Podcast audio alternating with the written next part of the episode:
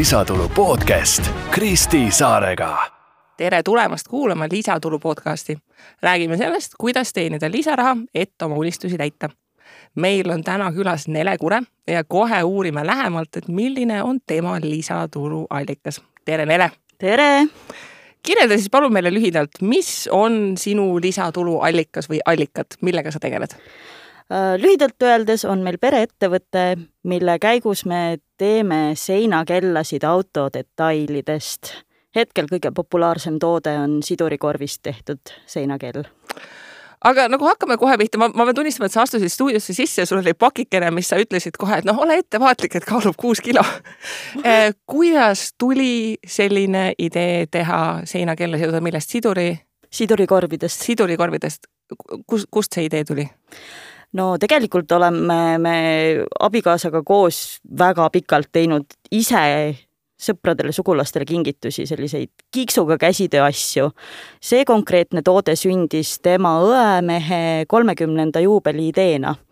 et selline viis-kuus aastat tagasi oli vaja ühte ägedat kingitust ja kuna me olime just enne seda soetanud oma isikliku kodu ja mina kinkisin abikaasale so-, nii-öelda soolaleiva ja tema sünnipäevakingituseks vana sapaka, millest pidi saama sisustuselement aeda, aiakujunduselement, siis äh, ta võttis sealt kõik sellised lahtised osad ära ja jäi pihku sidurikorv. Ja kuna ta oli kunagi internetiavarustes sellist asja näinud kuskil väljamaa lehtedel, siis, siis ta hakkas katsetama ja mingi hetk said meil sõbrad ja sugulased otsa, kellel olid kas kivi või palkseinad.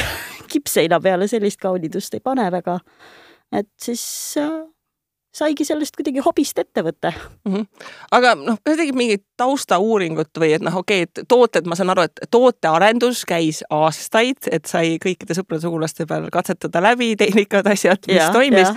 aga kuidas siis see klikk oli, et teeme sellest nüüd päriselt ettevõtte ja hakkame müüma uh,?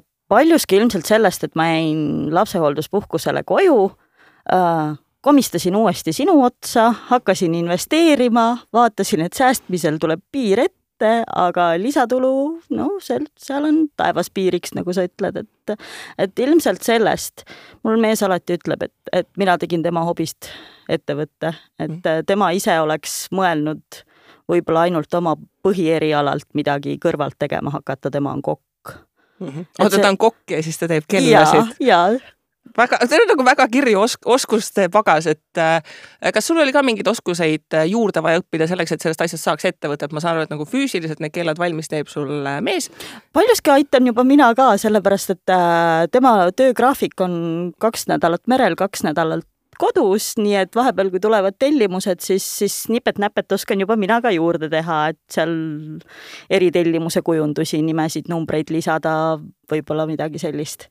Okay.. aga aga ärioskuste koha pealt, ma ei tea, turundus, turundu-, turundusega tegelen, raamatupidamine mind väga huvitab, et seda noh, ajapikk, ajapikku on ikka sellist fotograafia oskust lihvitud, et hei, nagu paremaid tootepilte teha ja ma arvan küll jah, et turundus on, on selline asi, millega tuleb veel vaeva näha, mm. aga. nagu tüüpiline eestlane, täiega naudid müüki, jah? jaa, ja äh, ilmselt sellepärast mulle väga meeldib raamatupidamine ka, et ma olen väga selline alguses paberi ja pliiatsiga kõik üles kirjutatud, siis sai arvutisse kõik kantud, nii et mina olen vist ainuke, kes teab kõiki kellasid, mis on tehtud, kuhu need on müüdud, kellele äh,, kellele kingitud, kõik sellised sihuke mm, arhiiv on hea mm. -hmm. aga kes siis on äh, teie jaoks kliendid, ma sain aru, et väga oluline tingimus on see, et tal on äh, kivisein, kuhu ja, see kell panna. me armastame kõikidele klientidele ikkagi seda kella kaalu ka etteruttavalt mainida, et, et ei tekiks üllatusi, et äh, ühe kellaga kunagi sai isegi jupike lehmaketti kaasa kingitud, et, et oleks võimalik see kell üles panna tala külge mm. -hmm. aga ütleme nii, et kliendibaas on meid ennast ka üllatanud tegelikult, sellepärast et alguses äh, tundus selline võib-olla kahekümnendates autohuviline, tehnikahuviline noor Eesti mees, kes, kes võiks sellist toodet vaadata. järjest hakkasid äh, tekkima sellised võib-olla keskealised ja vanemad meesterahvad, kellel oli mingi nostalgiline seos, sellepärast et me oleme teinud ka niimoodi kella, et meile on saadetud sidurikorv mingi konkreetse vana, vana auto küljest. Äh, võtsime juurde, hakkasime tegema Vene autodetailidest, seal sapakasidurikorvid äh, lähevad sellisele võib-olla pensioniealisele mm. -hmm. seal on ilmselt selline esimese auto teema võib-olla nõukogude ajal või midagi taolist ehk siis äh, asi ei ole mitte kellas, vaid asi on nostalgias ja emotsioonis. väga, väga palju on taga emotsiooni, sest mingi hetk hakkasin ma ise vaatama, et äh, beebigruppides surfates, et äh, värsked emmed otsivad väga huvitavaid isadepäeva kingitusi, et neid parimissi kohvitasse on lõpuks kaheksateist kuni viiskümmend, oleneb palju sul lapsi on ja mitu aastat sa isadepäeva tähistad, on ju. et äh, siis sai sinna disainitud parim issi tekst näiteks peale ja juubelikingitusteks, sest numbritega on väga hea numbreid, noh, kolmkümmend, nelikümmend viis sättida täpselt sinna kellaseirite kohale, et nimed ja firmadele on läinud, et päris paljud autoremondiettevõtted on avastanud, et see on kuskil fuajees päris äge niisugune detail, millega vestlust alustada kliendiga või mm -hmm.. okei okay,, väga, väga lai kliendibaas. kuidas teil äh, konkurentsiga turg on, et noh, kes on teie konkurent? oleneb, kui kitsalt vaadata. sellist toodet tegelikkuses Eesti pinna peal rohkem ei tehta mm. -hmm. on midagi sarnast, siin lähikuudel olen ühe korra avastanud, et tuli ja läks keegi, kes proovis midagi sellist teha aga kui võtta laiemalt sellised äh, praktilised kingitused, siis kindlasti konkurente jagub, kui võtta taaskasutusvaldkonnana või isegi auto ja muude tehnikatoodete detailidest tehakse erinevaid päris toredaid meeneid, aga, aga need ei kipu olema praktilised. Me -hmm. meiegi kella eesmärk on olla korraga meene, aga ka praktiline, sellepärast et ma ise olen üsnagi minimalismi poolt. et äh, me oleme tootearenduse poole pealt ka mõelnud, et mis see järgmine faas võiks olla, mis oleks ühtlasi ka praktiline, mina ise kaldun valgustite poole tegelikult oh,. et see on oh. selline võib-olla tulevikusuund mm. -hmm. aga kus ja siis, kuidas te oma toodet müüte, et mis need müügikanalid on? Äh, mina isiklikult personaalselt olen siin-seal laatadel üritanud kohal käia nii palju, kui abikaasa töögraafiku ja kahe väikese lapse kõrvalt võimalik on, noh, pluss muidugi veel koroonaperiood, kui kõik mm. laadad ära jäeti, aga suuresti sotsiaalmeedia, Facebook ja Instagram. ja, ja väga palju on tulnud ka selliseid suust suhu soovitusi et äh, kel ei ole selline sala, sala, salaja riidekappi peidetud äh, meene või kingitus, et kui ta ikkagi äh, endale omanikku leiab, siis on ta üsna paljudele näha, et kodus külalistele näha, ettevõtetes klientidele näha, et, et on ka niimoodi päris palju tulnud huvilisi, kes on maad kuulanud ja mm. -hmm. Aga kui sellist ähm, äri alustada, et ähm, mis teie jaoks olid need stardikulud, et ma eeldan, et teil on mingid füüsilised tööriistad, mis on vajalikud, kas oli vaja enne ehitada saja, saja tuhande eest endale nagu selline väike äh, töökoda, kus on võimalik asju teha. tegelikult, kuna me, me naljatades ikkagi oleme maalt ja hobusega, abikaasal on garaaž, maaelu juures on meesterahval ikka igasuguseid tööriistasid ja kõiki asju vaja, siis, siis ausalt öeldes päris alguses äh, ei olnudki otseselt erilisi väljaminekuid, kuna ta on ka olnud alati huvitatud joonistamisest, maalimisest, siis olid ka sellised värvid tema elu igapäeva osa juba ette, et et hiljem on lihtsalt ilmselt teatud protsessid läinud äh, nii palju mahukamaks, et siis tekivad need lisakulutused, aga esialgu ma ütleks, et see, see hobi oli üsnagi vähekulukas mm. -hmm aga kui me vaatame, iga toote puhul on üks kõige keerulisemaid asju, mis välja mõelda kui palju see asi siis maksab? Kuidas see, et kui te enne olite seda teinud kingituseks, sa teed sellise hoole ja armastusega, eks ju, läheb aega ja energiat mm., et kui sellest asjast saab toode, mida müüa, kust, kust kübarast see hind välja tõmmati?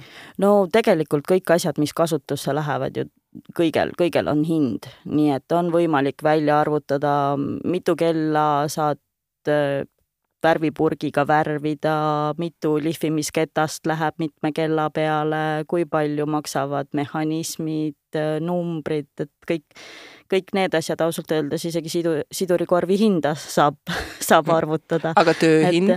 et kõik, kõik see oleme ka jälginud tegelikult seda, et kui, kui kiiresti teatud tellimused valmis saavad, et kõige, kõige pikem aeg kulub värvi kuivamisele et kui, kui sel, sel ajal kõrvalt muru niidad, siis seda aega sisse ei pea arvestama aga palju võtab aega ühe kella valmimine, et noh, kui keegi tõesti saadab sulle postiga selle minu esimese auto äh, sidurikorvi mm? -hmm, yeah. et noh, kaua siis võtab aega, enne kui ta saab valmis kella no, tagasi? Kui abikaasa on kodus, siis oleme kahe-kolme päevaga ka tagasi kella saatnud. Mm. -hmm kui abikaasat ei ole, satub täpselt selle kahe nädala peale, kui teda ei ole, siis, siis võib arvestada ikka kahe-kolme nädalase ooteajaga. Mm.. kuidas teil need äh, tellimused jaotuvad, et kas inimesed pigem vaatavad, et see on valmis asi, see on äge, ma tahan selle võtta või pigem on eelistus kõikidele, et tahaks midagi natukene erilist ja omapärast saada?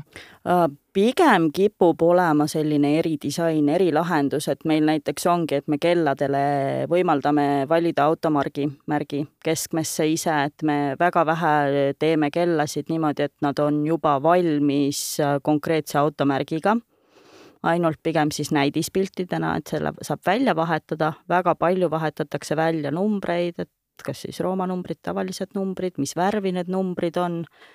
Äh, selline värvivalik on võib-olla niimoodi, et pigem, pigem on ettetoorikud ära tehtud mm. -hmm. mis on kõige popim värv? metalliksinine, vaieldamatult. metalliksinine? jaa, vaieldamatult sinine kell, sellepärast et mina isiklikult kutsun iga kord, kui äh, mõni klient küsib äh, mingi vana kella järgi et äh, tahaks midagi analoogset, siis minul on andmebaasis segadus. meil on kuskil kakskümmend, kakskümmend viis kella, mis on minu jaoks esmapilgul täiesti ühesugused. aga abikaasa teeb kõigil vahet eks need tema kullakesed ole mm.. kui palju aega kulub teil mõlemal sellega tegelemiseks? kas tegelete igapäevaselt või pigem niimoodi hoogtööna? ta on väga selline perioodiline asi, ma ütleks, et kõige, kõige tihedam aeg ilmselt ongi kas isadepäeva eel, jõulude eel, sõbrapäeva kandis seal, et, et sellised tähtpäevad, noh, eks eestlane teebki kingitusi ja siis, kui on sellised tähtpäevad. sest kuna me oleme välja hõiganud sellise kolmenädalase ooteaja igaks mm -hmm. juhuks, et arvestada mm -hmm. abikaasa töögraafikuga, et siis, siis paljudel juhtudel jah, kuskil niisugune kuu-poolteist juba võetakse ette ühendust, siis kui on tavaliselt sellised suuremad, kas juubelikingitused või midagi sellist. nii tublid kliendid, et nad ei helista viimasel hetkel, et kas homme saab oh,? juhtub ka seda, ma olen, ma olen ka keskööl andnud koduukse pealt kella ära, mida oli nüüd ja kohe vaja, et juhtub, juhtub kõike, aga praegu mm, -hmm. praegu on see kõik võimalik oma lapsega kodune olen. aga mis siis juhtub, kui sa tööl oled täiskohaga? Äh, ma arvan, et minu, minu töö ei küsi väga sellist kellaaega, et mina väga saan, hea nali, väga hea nali et äh, mina, mina saan öösel ka postitusi teha ja müügikuulutusi. Äh, toodete pakkimist ma teen nagunii öösiti. lastega koos on veidike keeruline kuuekiloseid asju pakkida, nad on väga usinad abimehed et aga, aga mehel on ju iga kuu kaks nädalat puhkust, mis seal ikka mis seal ikka tööd teha puhkuse ajal? jaa, töö ajal saab tööd teha, puhkuse ajal saab ka mm. kas te olete midagi selles protsessis praeguseks kuidagi automatiseerinud, süstematiseerinud või ta on kõik selline käsitöö, teeme jooksvalt nii nagu äh, läheb?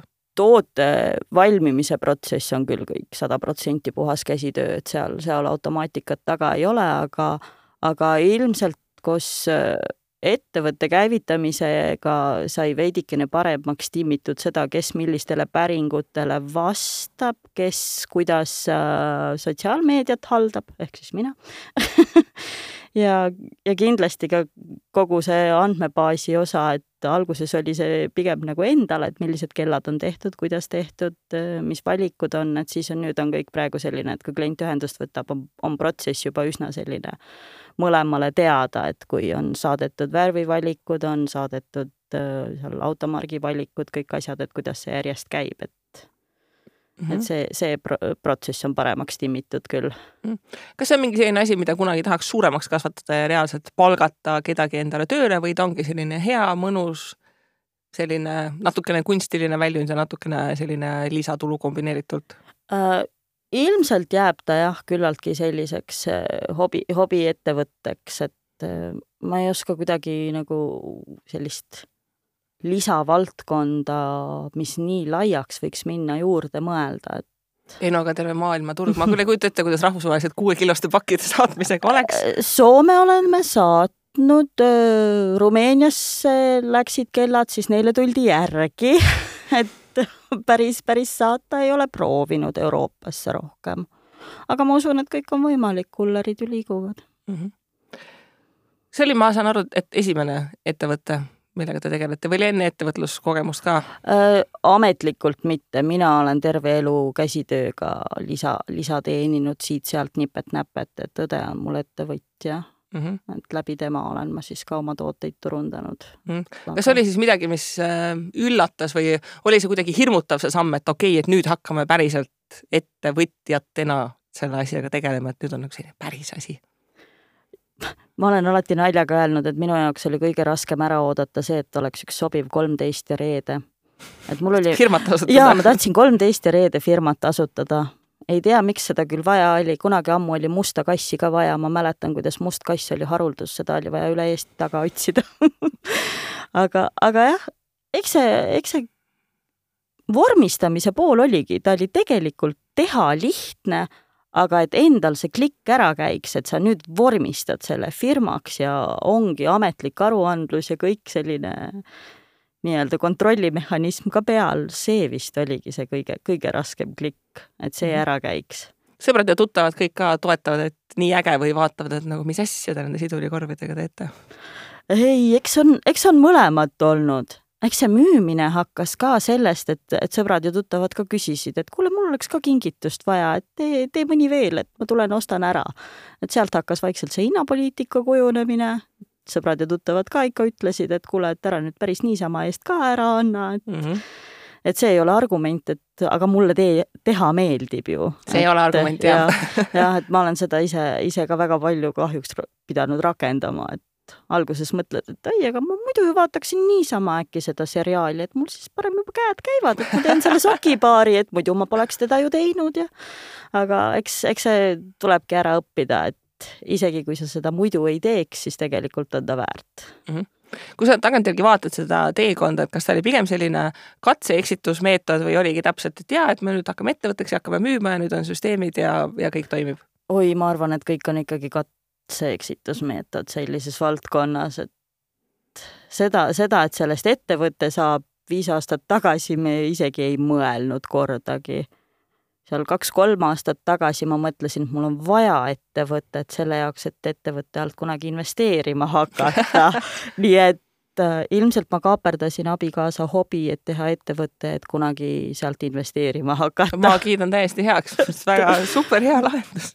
et äh, täpselt, eks me tüübiliste eestlastena alustasime niimoodi, et kõigepealt äh, mis, mis ikkagi elukaaslasi kõige rohkem seob, kõigepealt kinnisvara, julmalt kolmkümmend aastat lepingut, siis lapsed, vähemalt kaheksateist aastat pühendumist ja siis äh, abielu ja siis ettevõte alles ja,. jah, jah, järjekord on täpselt selline. Äh, kas te küsisite kelleltki nõu ka või lugesid sa mingeid raamatuid, kus mingeid tarkusi kogeda või tuli lihtsalt ise kõik ämbrid läbi kolistada? Äh, ma arvan, et ma olen paljud ämbrid ise läbi kolistanud, aga mul on ka väga head endised töökaaslased, kes on ütleme, sariettevõtjad kui sellist armast diagnoosi kasutada võib, et nende pealt ma kõrvalt äh, koos töötades ikka aastaid ja aastaid nägin, kuidas ja mida nad teevad, tundsin väga asja vastu huvi, et ilmselt äh, osad, osad ämbrid saavad tänu neile välditud või, või koos läbi kolistatud mm. -hmm aga kui sa tahaksid nüüd sõnastada, et mis on mingid sellised olulised õppetunnid, mis sa sellel teekonnal oled saanud, millest võiks teistel lisatuluallika otsijatel kasu olla?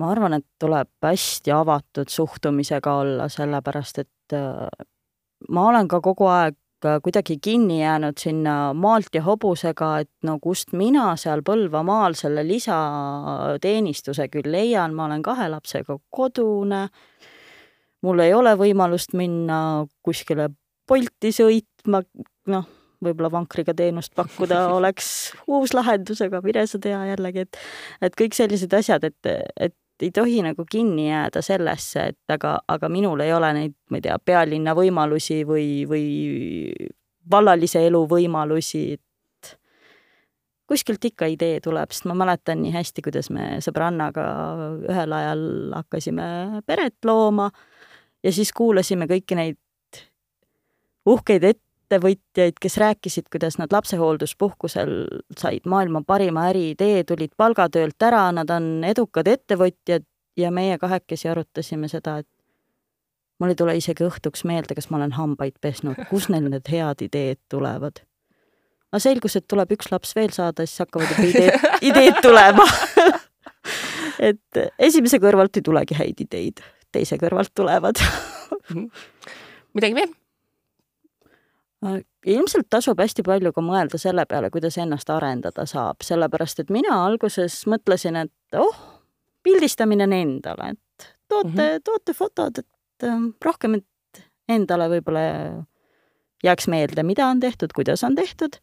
nüüd järjest ma vaatan, et väga palju ikkagi oleneb, kuidas pildistada, kus pildistada, kuidas on tagasisidefotod, kas neid saab presenteerida, jagada, et kõik see, et et niisugused pealtnäha kõrvalvaldkonnad, mis justkui nagu ei haaku võib-olla toote valmistamise ja kõige sellega, et see on, see on hästi oluline tegelikult mm. -hmm. et seda, seda on mulle ka vanad töökaaslased õpetanud, et noh, neil muidugi oli ka fot-, on, tähendab, mitte oli, on, on fotostuudio, nii et ilmselgelt sealt õpib.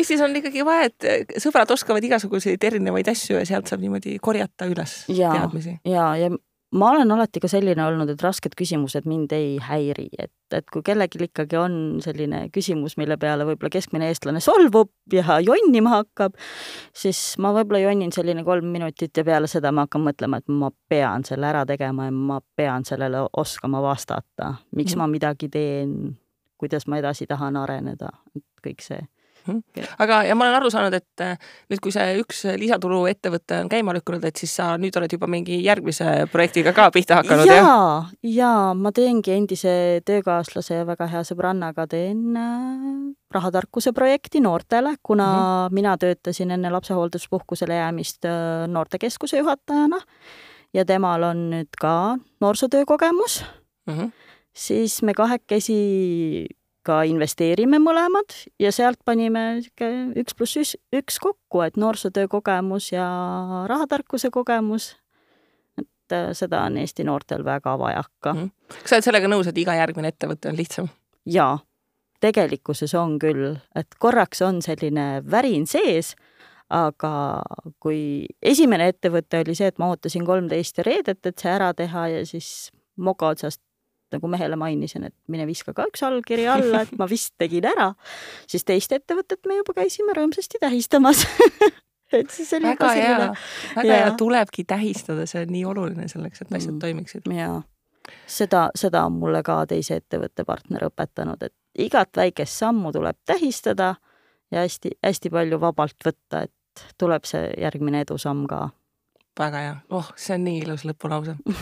Nii, aga mina omalt poolt ütleksin äh, aitäh Nelele, kes äh, aitäh. jagas meile oma kogemusi, noh, kui ma lihtsalt, ma teadsin, et Nele peab saatesse kutsuma kohe, kui ma kunagi ammu seda esimest postitust nende seinakellade kohta nägin, sest ma mõtlesin, et kuidas üldse kellelgi tuleb mõte, et midagi sellist teha, et see oli nagu nii selline meeldejääv asi, et nüüd, kui me hakkasime saata neid külalisi kokku panema, siis mul tuli meelde, et ma reaalselt kaks aastat tagasi nägin seal Naisi Vestelite klubi mingit promopostituses. ma postitasin ilmselt selle kaks tuhat kakskümmend või lausa kaks tuhat üheksateist sinna, kui olid mm -hmm. need lisatöö, lisatöö tegemise võimalused ja küsimused. jah, vaat see ongi see koht, et tuleb jagada, mida sa teed, sa kunagi ei tea, et mõnikord võib aastaid hiljem tulla see kontakt, et näe, keegi nägi ja, just seda, mida veel, sina tegid. see on veel üks õppetund. ära kunagi karda oma ideid jagada hirmust, et keegi nad ära võtab no see peaks ikka Just, nagu, keegi peab väga pühendunud olema, et seda ideed ära võtta nii, aga aitäh Nelele, et sa siis jagasid meile oma kogemusi, kuidas siis need seinakellad said hobist äriks ja enda õppetunde. ja meie kuulajad, kohtume teiega juba järgmisel korral järgmise põneva külalisega, kes jagab siis enda lisatuluallikat. kohtumiseni